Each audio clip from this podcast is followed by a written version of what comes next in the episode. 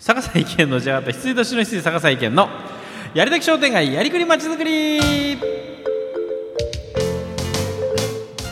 バックで、えー、と BGM を流れておりましたけど。いろんなことがあります、ははい。いということでございますがさあ、えーやりくり商店街やりどきまちやりどき商店街やりくりまちづくりのお時間でございますけどもね、はい。えー今日さっきあのちょっとお番組の途中でもご紹介しましたように街の中今中心市街地とかもしくはあー商店街とかうん。というところを、えー盛り上げていくはい。5つのイベントと言われてるね。5大イベントと言われてるものがあります。今その今旬なやつですね。そうそうそうそう、ん。あの旧来のイベントは、うん。例えばですね分かりやすく言いますと、うん、なんとか祭りをやって、うん。で商店街なら商店街とか商店街隣接の広場とか、うん。そういうところに人を集めてきて大量にわーっと人が来てあそうですね。で、うん。あなんかその瞬間にぎわって、うん。でわーっと帰っていって帰っていおしまい、くおしまい。うん。しかももう一つ悪いことに、うん。そのイベントを実施するために、うん。商店主さんとかが、うね、役員さんになっててそのイベント一生懸命やってるわけです。であの椅子運んだりそうそうそう運んだりね。ね、掃除もせないけんとですよ。そうすると、うん。せっかくたくさんの人が来て、まあうん一応来てですよ、うん。で商店街お店もあって、うん。自分のお店に来たお客さんを捕まえることをしなきゃいけないのに、はい。イベントやってるわけですよ。外に出てるのね店からね。そうそうそう。うん。でこういうイベントのやり方で商店街本当に活性化するのかとうんいうのがずっとまあ言われてきてえ最近この方法っていうのがまあえー廃れてはないですよ。まだねやっぱりその商店街をイメージアップしたりえうん。ね商店街の存在意義をし示すという点では使えるイベント、はい。それからもちろん大規模な、えー集客をするとうん。いうことですけどこのこういう形のイベントの使い方はやっぱり以前とちょっと変わってきましたよね。そうですえねうん。ね本当にそのそのおわーっと人が来るよっていうイベントをうん。実際にお店につなげていくとか今後の商店街につなげていくためにどうするかを考えないといけない状況にはい。来てます。それをずっとやるんであればですね、はい。でそうじゃなくて、えーその商店街とかあ中心市街地にあるお店のうん。それぞれの人が頑張って、でそれぞれの人もある程度儲かるしそして、えー儲かるということはそのお店がにぎわうということですから、うん。そこに来ている人たちで街がなんかにぎわった感じになるとうんいうような現代的、えーしかもその皆さんのお本当の力を使ってそれぞれのお店の持つ特性を使って街を盛り上げましょうというこの考え方が、えー今の商店街振興中心市街地振興の策です、はい。その代表事例として5つ今、はい。全国で取り組まれているものがあります。うん。一つはえ一つはあ一点一品。あ一点一品。うん。はい。あのねこれはもう使い古されたみたいに言われますけど、ええ。そうじゃないんですよ。一ん。点一品運動をやっぱりきちんとやること、うん。ええ、それはやっぱりお店の強みというものをはっきりと打ち出すことになりますからでそれはお店にとってもお客さんにとってもいいことなんですね。でこの一点一品運動というのは一つあります。発祥はね、えー現代版一点一品の発祥は青森県青森市。うんはい。えー中央、まあ、青森新町商店街の皆さんです。はい。えー現在ね、一点一品のいろんな情報交換のフェイスブックもやってますね、この方々が。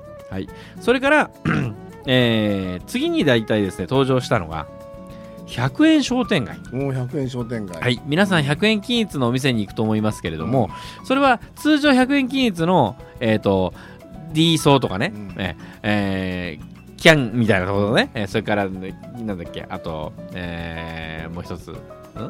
ちょっと入りそうな感じの、まあ、ああいういろいろありますが、それは一つのお店の中に100円の商品が全部はい。入ってる。うん。じゃなくてですね、商店街全部はいのお店で、まあ、全ての商品を100円にするわけじゃないんですけど、全てのお店で100円のものを用意して、で、お店巡りをしてもらおうと。100円。100均に行ったらついつい買うじゃないですか。もうその通りが100円ショップそだねうそうそうそうそう。通りが100円ショップはいえということで、えこれは 表向きの売り上げがそう上がらない風に見えますがえ、うん上がります。少々じゃない上がります。なるほどうん、それと同時に100円商品自分のお店でお客様に受ける100円商品を、えー、と考えるということからですね実はそのイベントだとか商店街の在り方について考えていくことができるということになってましてこれは山形県新庄市。新庄市。はい。えーもともと県の職員さんだった方が、うん。NPO 法人アンプというですね、えー NPO を作って商店街活性化のために作り出した方法がこの100円商店街すごいことを発明しましたね。そうです、はい、全国に波及してますからね、うん。はい。えーそれから続いて、えー、と街の中のうん。それぞれのお店を、あのーゼミ教室にしてしまいましょうっていう、はい、えはい、街を使ったゼミナール。町町ゼミと言われておりますね、はい、これは、えー岡崎県の、あ岡崎はい愛知県の岡崎市、うん。はい、が発祥とうんいうことになっておりましてこの松井さんという方が、うん。はい。えー今この方も全国飛び回って講演をしておりますけどもね。これもお店の強みを生かすわけですよ。はいね。えーそして、えー、マチコン、町コン。はい。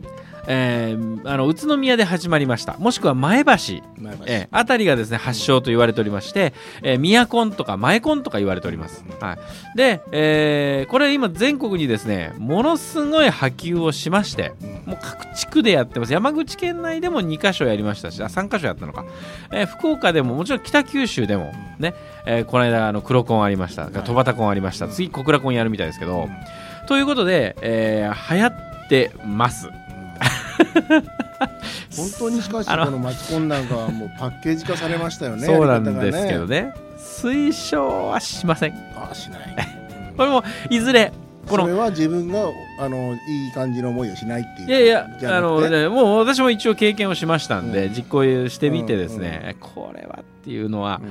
えーまああのなぜかっていうのは今後この今5つの、えー今日ご紹介した5つのイベントについて、はい。順次ご紹介していく中で、ええ。はいえー検証をしていきます。あの今回の、えー、と連続講座の中では、5つのイベント、うん。えー、とお金の、えーだから収支の成り立ちについてもご紹介します。はい。はい。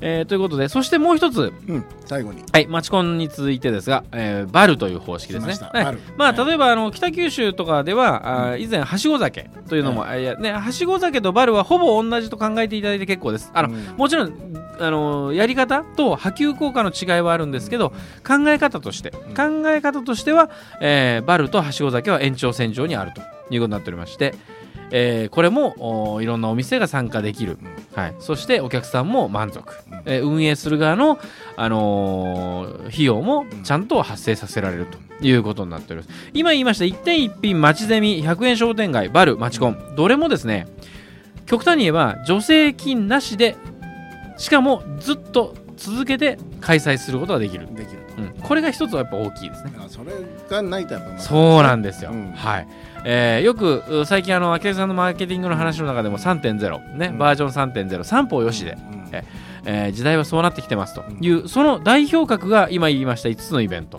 はい、参加する側、うん。お店、うん。そしてその仕掛けをする人。うん。この3社がみんなちゃんとあよかったねって言える、はい、そういうイベントなんですね。これは続いていくものであると思っておりますが、まあ、マチコンだけ黄色信号です。まあ、それは、えーまだいずれ、えーご紹介します。で、その今ご紹介しました5つのうち、来週から1つずつご紹介をしていきますが、うん。とりあえず、バルは明日、明日。下関でありますんで、ええ。えーそこまで言うんだったらちょっと体験してみましょうという方は、はい、明日夕方5時以降になります、えー、と終了時間は決まっておりませんというのはお店によってなんで、うん。一番遅いお店は3時までバル受け付けてますんで。はあ朝の3時まで。朝の3時まで、ええ。バル受付っていうのはそのお店でいきなり受付なんですか？ああのですねバルのチケットを3000円でうん。5枚綴りのチケットを買っていただく先と、に買ってもらって。そうです。うん。そうするとその、えーマップがついてきますんで、うんうん。このマップで見ていろんなお店が何時から何時までバル対応ですよと、はいはい。はい、そのお店に行ってバルお願いしますと。うん。言えばですね、その券1枚とバルメニュー、えー食べ物と飲み物セットで出してくれますから、ほそれで5店舗回れるということになっております、はい。えーぜひ一度試していただければと。さあこういう方法なのねと、うん。はい、で、えー下関のおブゼンダバルの場合には物販サービス店舗も今回は3店舗入っております。物販サービス店舗？はい。ええー女性の下着屋さんとかね。ほううん。それからそれお土産用にそうなんですよ、はい、花屋さんとかね、うん。はい。だからそれもまた至それかられり尽くせりじゃないですか。ネイルサロンでしょ？ねこれうん非常にねよくできてるんです今回。一番最初にネイルサロン行っちゃうんじゃなそいうそうそう例えばね、ええということもありますけども、うん。うんはい、えーそんな風にバルは使っていただけます、はい。うん、でしかも 5, 5枚5枚綴りで例えば5店舗行けば5杯飲むことになるんですね。うんうん食べ物も食べますけど。うん。うん5杯はきついかなと。うん。思ったら4杯で止めといていただいて、残り1枚はあと1週間、ん。600円の金券として使えます無駄がないんですよ。うんなるほど。はい。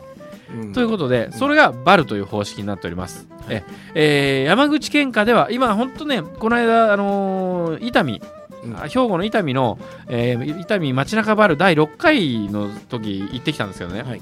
あの参加店舗91店舗、でその一晩量にえー、とチケットを買った方4000人、うん。いや大変ですよ。90店舗もあったら。ですね。選ぶのが。ええ。うん。そうなんですけども、まあ、そういうことまで今回ば、えー下関初ですから山口県初のブゼンダバルははい。26店舗うん参加でございます、はい、ぜひ遊びに来ていただきたい。そしてあこんなこと形だったらうん。やりたいということであればあのアドバイスもささ差し上げますね。実際にね明日は、えー長崎県松浦市から視察団も来ます、はい。はい、ということでございまして商店街の、えーやりとき、えー、町づ商店街やりくり商町づくりでございましなんかメッセージが来たてますよ。あじゃあその後はい